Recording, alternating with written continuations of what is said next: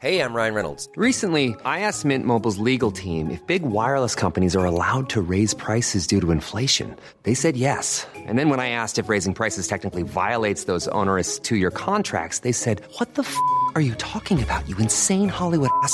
F- So to recap, we're cutting the price of Mint Unlimited from $30 a month to just $15 a month. Give it a try at mintmobile.com slash switch. $45 upfront for three months plus taxes and fees. Promo rate for new customers for limited time. Unlimited more than 40 gigabytes per month. Slows. Full terms at mintmobile.com. Hiring for your small business? If you're not looking for professionals on LinkedIn, you're looking in the wrong place. That's like looking for your car keys in a fish tank. LinkedIn helps you hire professionals you can't find anywhere else, even those who aren't actively searching for a new job but might be open to the perfect role. In a given month, over 70% of LinkedIn users don't even visit other leading job sites. So start looking in the right place. With LinkedIn, you can hire professionals like a professional. Post your free job on linkedin.com slash people today. Hei, mitt navn er Marius Lorentzen, og velkommen til denne helgeepisoden av Økonominyhetene, der vi presenterer et utvalgt intervju fra uken som har gått. Hverdagene kan jo være hektiske, og det er ikke lett å få med seg alt som skjer. Derfor finner vi frem klipp som vi mener kan være interessant å høre, enten fordi de har lært oss noe, er underholdende eller fikk frem en nyhet. Og med det så setter vi i gang, vær så god.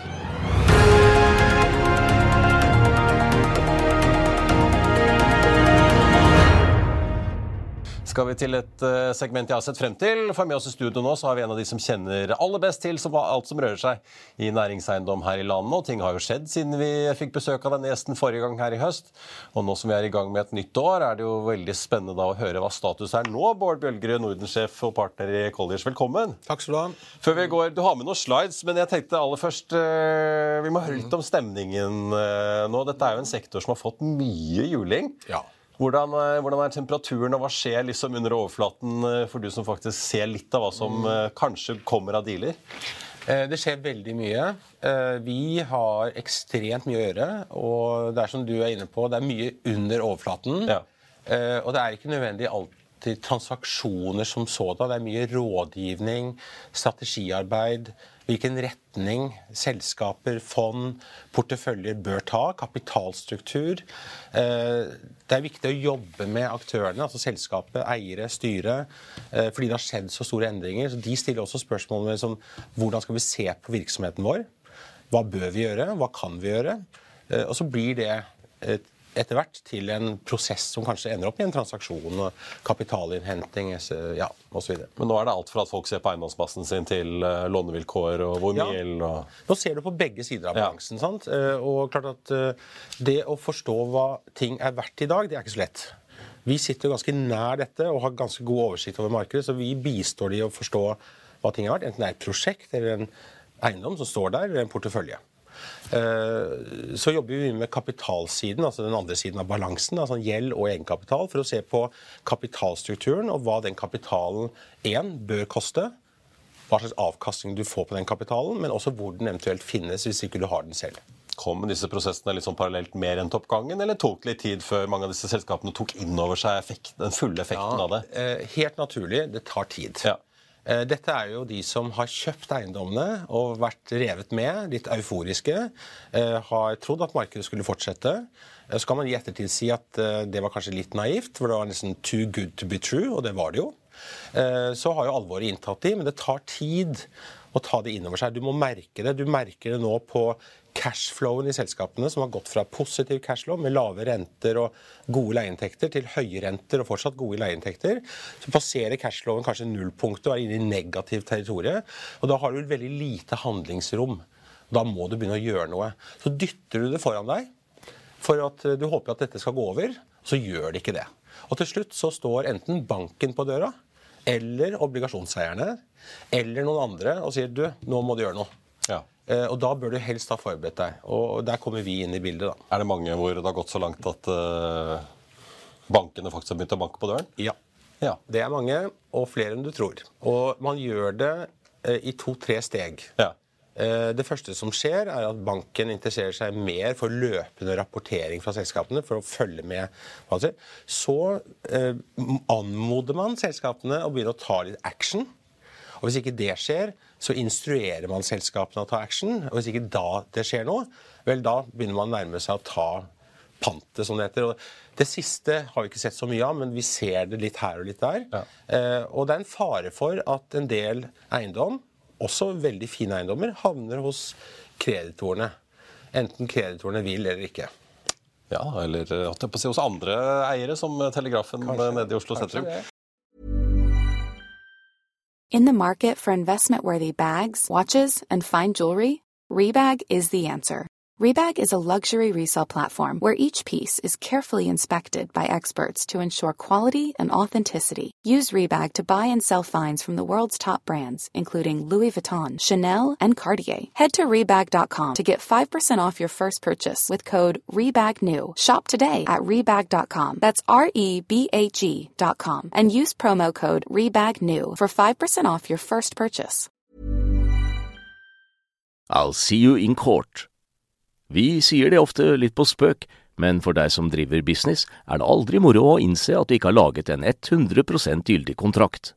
Du bør ikke risikere hele firmaet ditt fordi du synes dette med kontrakter er litt stress. En avtale er ikke en avtale. Du kan miste kunder, miste venner, ja, til og med miste inntekter om du ikke lager en skikkelig kontrakt, på alt mulig, egentlig. Men vi vet det er et styr. Kopimaskiner, treg printer og haugevis av papir. Dessuten stoler vi jo på folk her i landet. Det er ofte litt kleint å skulle be om en signatur for alt mulig, ja, for mye av styret handler også om jakten på underskriften. Det finnes en enkel måte å løse dette på, Dukkobit, en trygg, effektiv og get this, gratis måte å sikre seg en god natts søvn pluss en juridisk bindende avtale. Dukkobit-appen har de strengeste sikkerhetskrav i bunn, samt en EU-godkjent og sertifisert teknologi.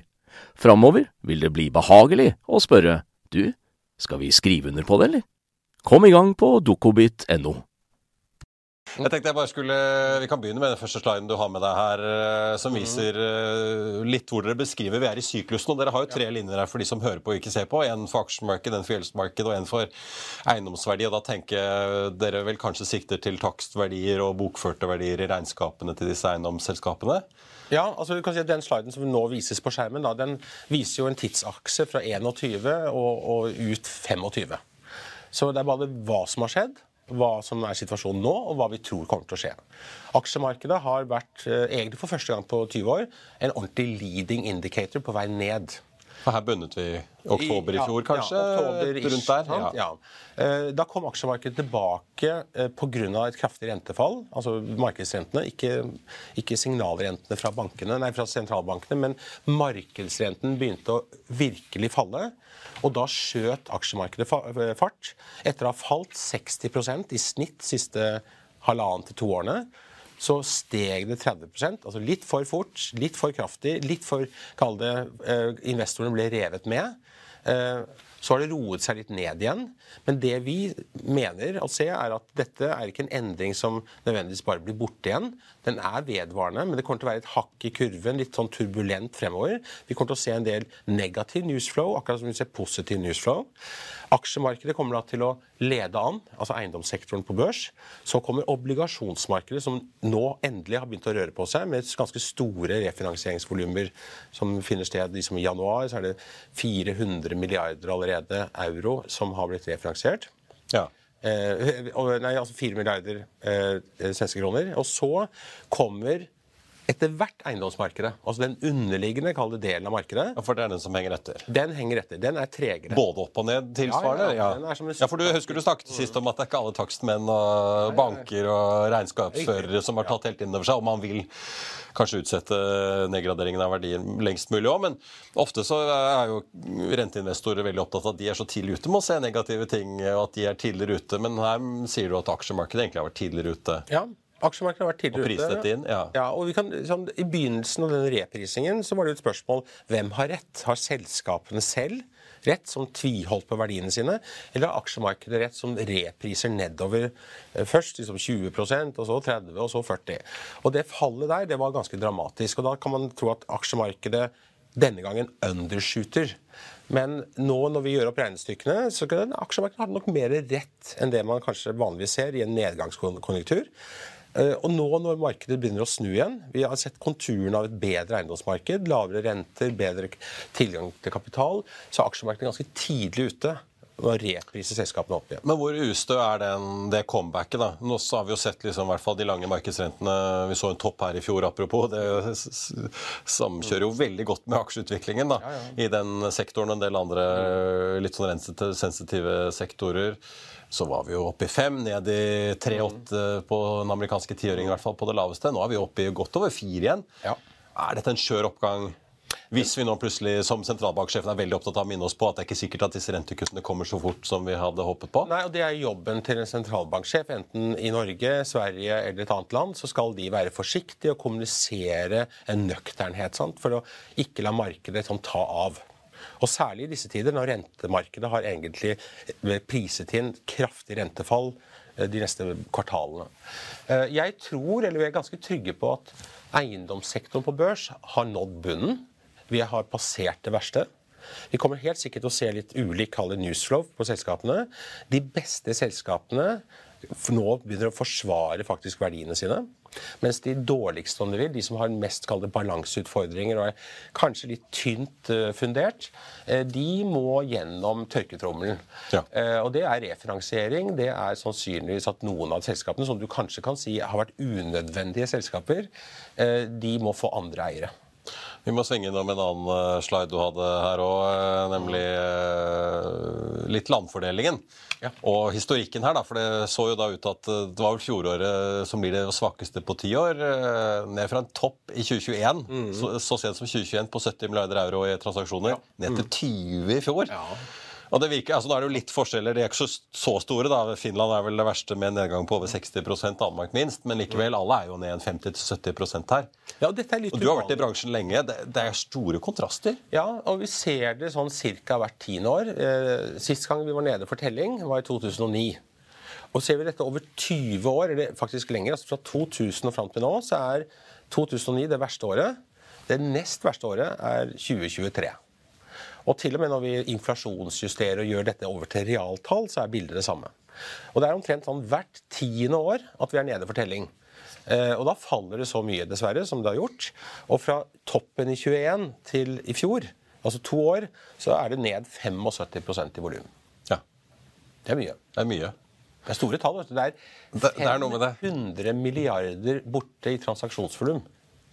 I et, en region der det ikke bor så mange mennesker, men som er en ganske viktig region i Europa når det gjelder næringseiendom og likviditet. og ja, egentlig Som, som en, et sted der man liker å investere i næringseiendom, enten du er internasjonal eller lokal. Helt på tampen, Bård, tenkte jeg bare ta opp den siste sliden din her. Eh, Der kan vi se, har vi den.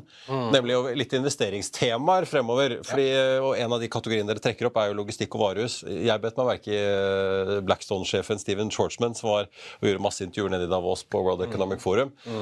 En eh, formuende amerikaner som sitter med et enda mer formuende fond, eh, som sa at de, blir, de får flust av tilbud om å kjøpe europeisk eh, næringseiendom. Men han sa vi er veldig spesifikke på hva vi tar, og han nevnte bl.a. varehus og logistikk som noe de var interessert i.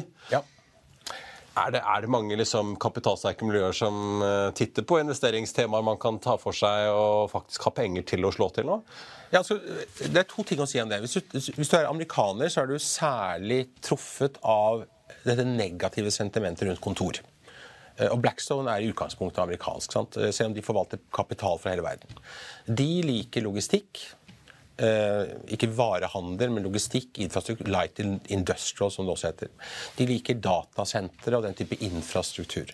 Og så er, liker de også resident, altså resident, eller, eller kall det hus... Altså, Store ja, liksom? Ja.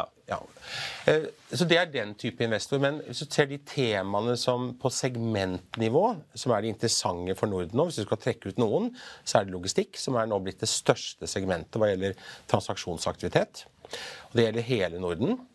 Eh, Norge er interessant fordi det bygges veldig lite spekulativt. Altså Det er mindre risikabelt at markedet skal komme i en ubalanse. I Sverige bygges det en del spekulativt, men allikevel er etterspørselen etter logistikk så god blant investorer og leietagere at det segmentet er interessant. Boligsegmentet, særlig i Sverige, er interessant, for nå går vi inn i en periode der leieutviklingen kommer til å være høyere enn inflasjonen innenfor bolig, og så bygges det nesten ikke boliger. Så det segmentet tror vi nå begynner å komme tilbake igjen. Eh, og så er det det du kan gjøre selv. Det siste som står på denne sliden til venstre, det er det du kan gjøre selv som eiendomseier eller investor. Altså jobbe med leietageren du har. Jobbe med byggene du har, og skape ganske store verdier gjennom liksom, å bearbeide produktet istedenfor hele tiden å kjøpe nytt. Litt indremedisin, rett og Ja, slett. og så er den høyre siden av denne sliden er jo hva kommer til å skje av aktivitet i markedet. Det kommer til å være fusjoner og oppkjøp, altså mye strukturelle dealer som etter hvert dukker opp. Det kommer til å være en del exits, altså enten tvunget salg eller omstrukturering og kall det JV-plattformer som dukker opp. Det kommer til å være en del emisjoner fremover, fordi aksjemarkedet åpner opp for at nå er det kapital på vei inn, og da kommer emisjonene. Og da får selskapene rom for å begynne å fikse balansen sin. Når vi gjør regnestykker på hele sektoren i Norden nå, eh, så er implisitt belåningsgrad 64% og det er høyt. Skal du ned til 50 som mange mener er liksom balansepunktet gjeld egenkapital, så må du hente 200 milliarder bare til de største børsnoterte, altså de 43 største børsnoterte selskapene. Og det fikser du ikke. Eh, Så vi, Det er det som er litt spennende nå fremover. Hva kommer til å skje med balansen til disse selskapene? det er nesten så jeg hører corporate-avdelingene på Ja, Aker Brygge ja, ja. plukke opp telefonen og gjøre klar dealene. Bård Bjørgerud, tusen takk for at du kom. Jeg vet du har et møte du skal rekke, så jeg skal la deg slippe det. Og det var det vi hadde for deg i denne omgang. Du finner flere klipp inne på f1.no-tv, eller ved å søke opp Økonominyhetene hos Apple, Spotify eller der du måtte høre på podkast. Mitt navn er eh, Marius Lorentzen, og vi er tilbake igjen eh, på mandag med Børsmorgen og Økonominyhetene. I mellomtiden så ønsker jeg og alle vi her i Hegna Media deg en riktig god helg. Takk for nå.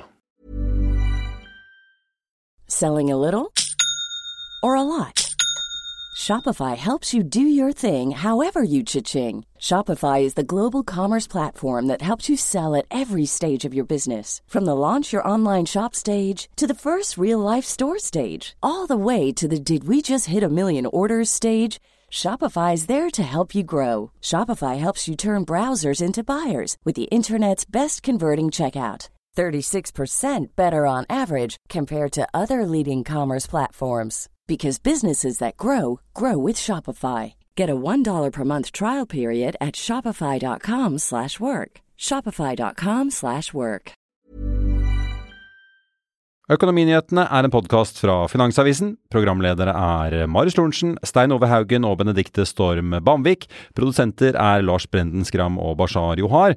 Og ansvarlig redaktør er Trygve Hegnar.